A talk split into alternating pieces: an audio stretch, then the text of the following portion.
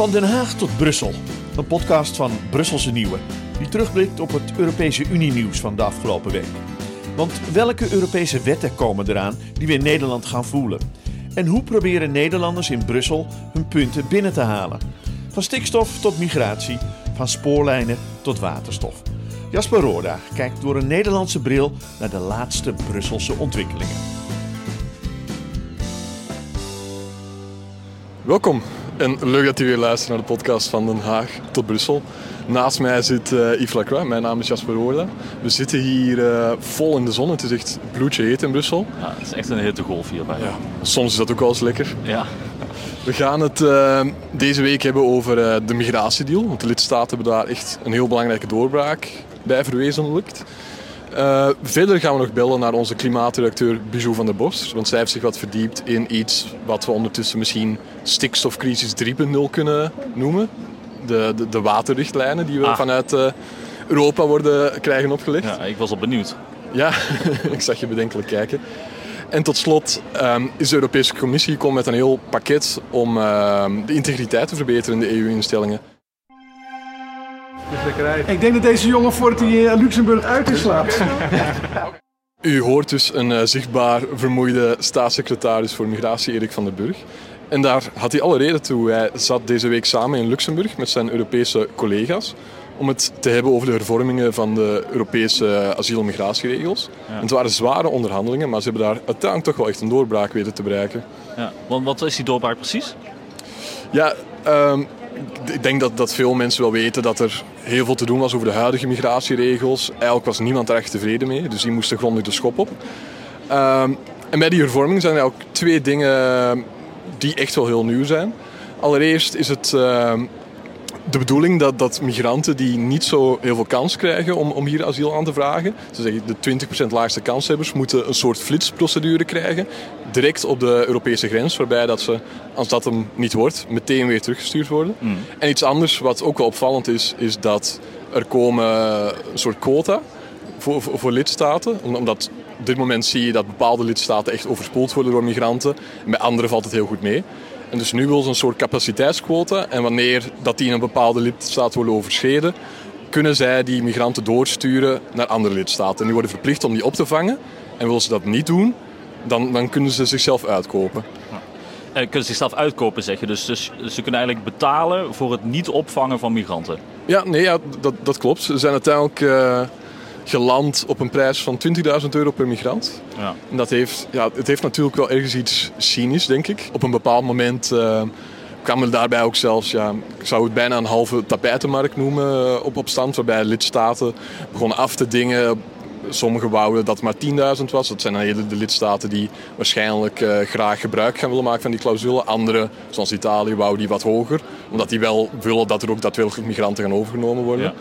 Maar ja, anderzijds is het natuurlijk dat migratiedossier zat echt jarenlang sinds 2015 muur vast. En dan, als je heel pragmatisch in de wedstrijd staat, zijn er nu wel eindelijk stappen gezet. Ja, ja. En, en, en hoe is dat ontvangen dan? Want er is een deal. Wat, wat vinden de lidstaten er, uh, ervan uh, als ze thuiskomen?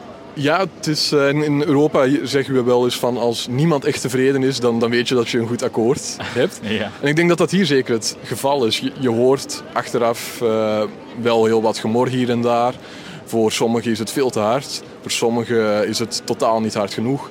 Je hebt NGO's die zich wel zorgen maken over uh, hoe dat er praktisch gaat uitzien. Want bijvoorbeeld met die flitsprocedures, dat betekent dat er dus echt opvangcentra gaan komen op, op de grenzen waar die mensen worden opgesloten. En dat kunnen ook minderjarigen zijn tussen de 12 en de 18. Dus daar is ook niet iedereen... Met uh, familie, hè? Ja, ook alleen. Ook ah, alleen. oké. Ja. Um, dus daar is ook niet iedereen zo blij voor.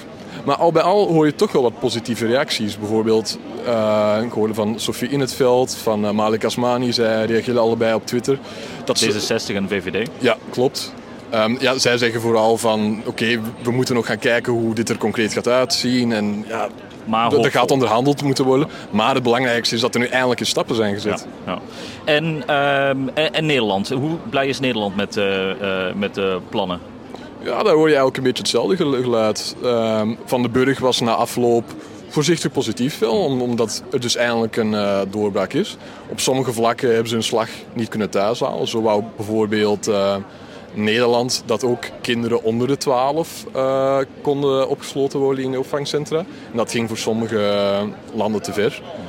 Uh, maar ik denk al bij al wel dat, dat zeker premier Rutte uh, hier echt tevreden mee gaat zijn. Vorig weekend was er nog het VVD-congres en daar heeft hij er zwaar van langs gekregen omdat hij het, de asielcrisis maar niet opgelost kreeg in Nederland. En hij bleef eigenlijk steeds keer op keer benadrukken van ja, we kunnen wel iets doen in Nederland, maar de echte oplossing die is in Europa. En hij heeft zich daar persoonlijk uh, hard voor ingezet. Ja. Dus ergens kan hij nu wel met een overwinning naar huis komen. Hey Yves, misschien iets helemaal anders dan. We hebben het hier eh, in de podcast al een paar keer gehad over de stikstofcrisis 2.0. Dan hadden we het over de controversiële natuurherstelwetplannen. Ja. Maar tegenwoordig wordt dat in nog een andere context vaak genoemd. En, en dat gaat over de Europese waterrichtlijnen. En daar zit Nederland blijkbaar ook heel hard mee te worstelen. Nu heeft uh, onze klimaatredacteur Bijou zich daarin verdiept. Dus misschien kunnen we gewoon eens even naar haar bellen. Ja, laten we dat even doen. Hi, met Bijou. Hey Bijou. Hey, ja, mannen. Hey. Um, er is dus heel wat aan de hand met die uh, waterrichtlijnen in Nederland. Hè? Hoe, hoe, zit dat nu juist? Moeten, moeten we ons nu echt zorgen gaan maken over de waterkwaliteit?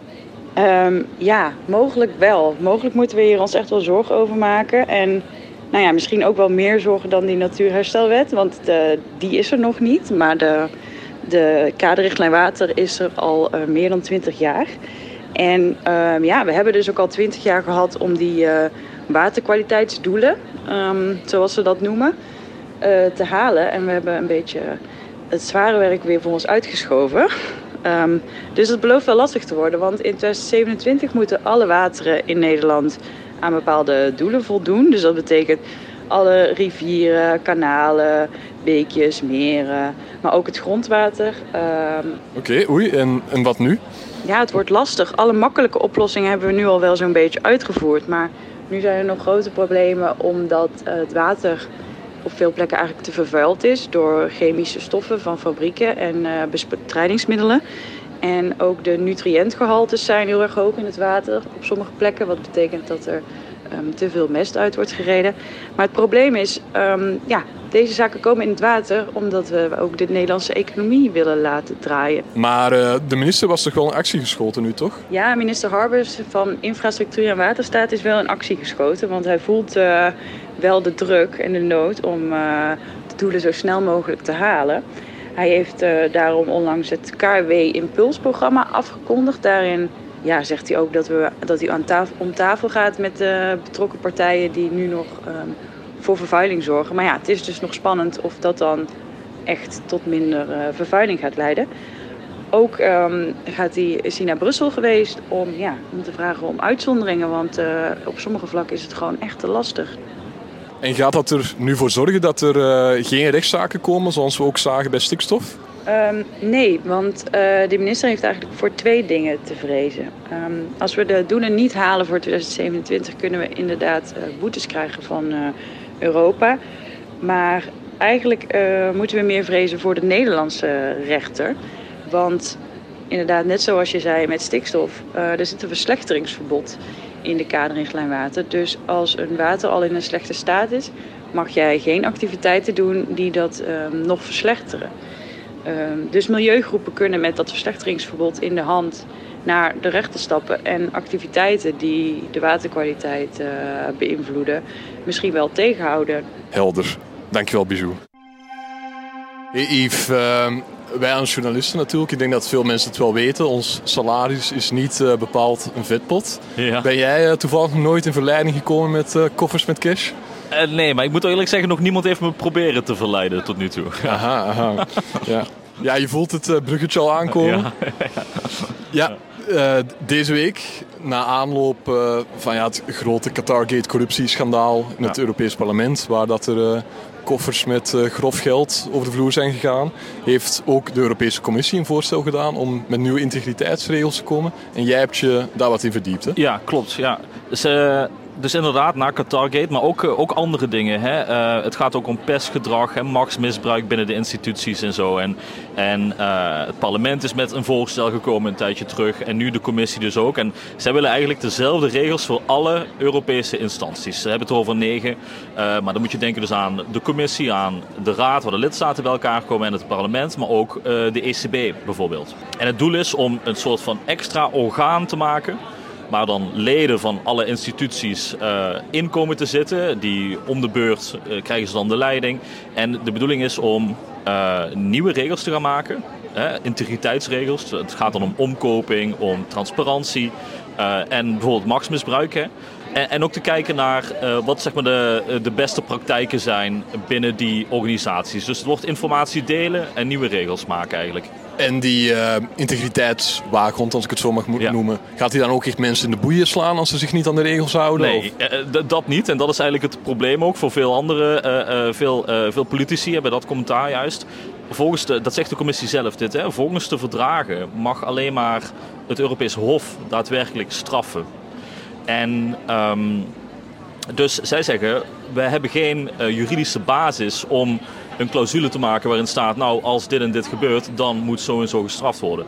Ze zeggen wel dat, ze, uh, uh, dat, dat er regels gaan komen die navolgbaar zijn of die gecontroleerd kunnen worden. daar gaan ze ook allerlei, daar hebben ze ook wel plannetjes voor om te zorgen dat beter gecontroleerd kan worden. Meer transparantie over die regels, zodat ook journalisten kunnen, beter kunnen weten wat mag en wat mag niet. Hè, wanneer moeten journalisten ingrijpen. Hè. Uh, maar echt daadwerkelijk straffen, dat zit er, uh, zit er niet echt in. Nee. Maar is het dan niet een beetje een uh, papieren tijger? Ja, misschien wel. Het is niet aan mij om dat te zeggen, denk ik. Maar, maar veel, veel mensen, veel politici zeggen dat wel. de liberale Renew Groep die had een tijdje terug een... al nog voordat het voorstel kwam, hadden zij een persbericht online.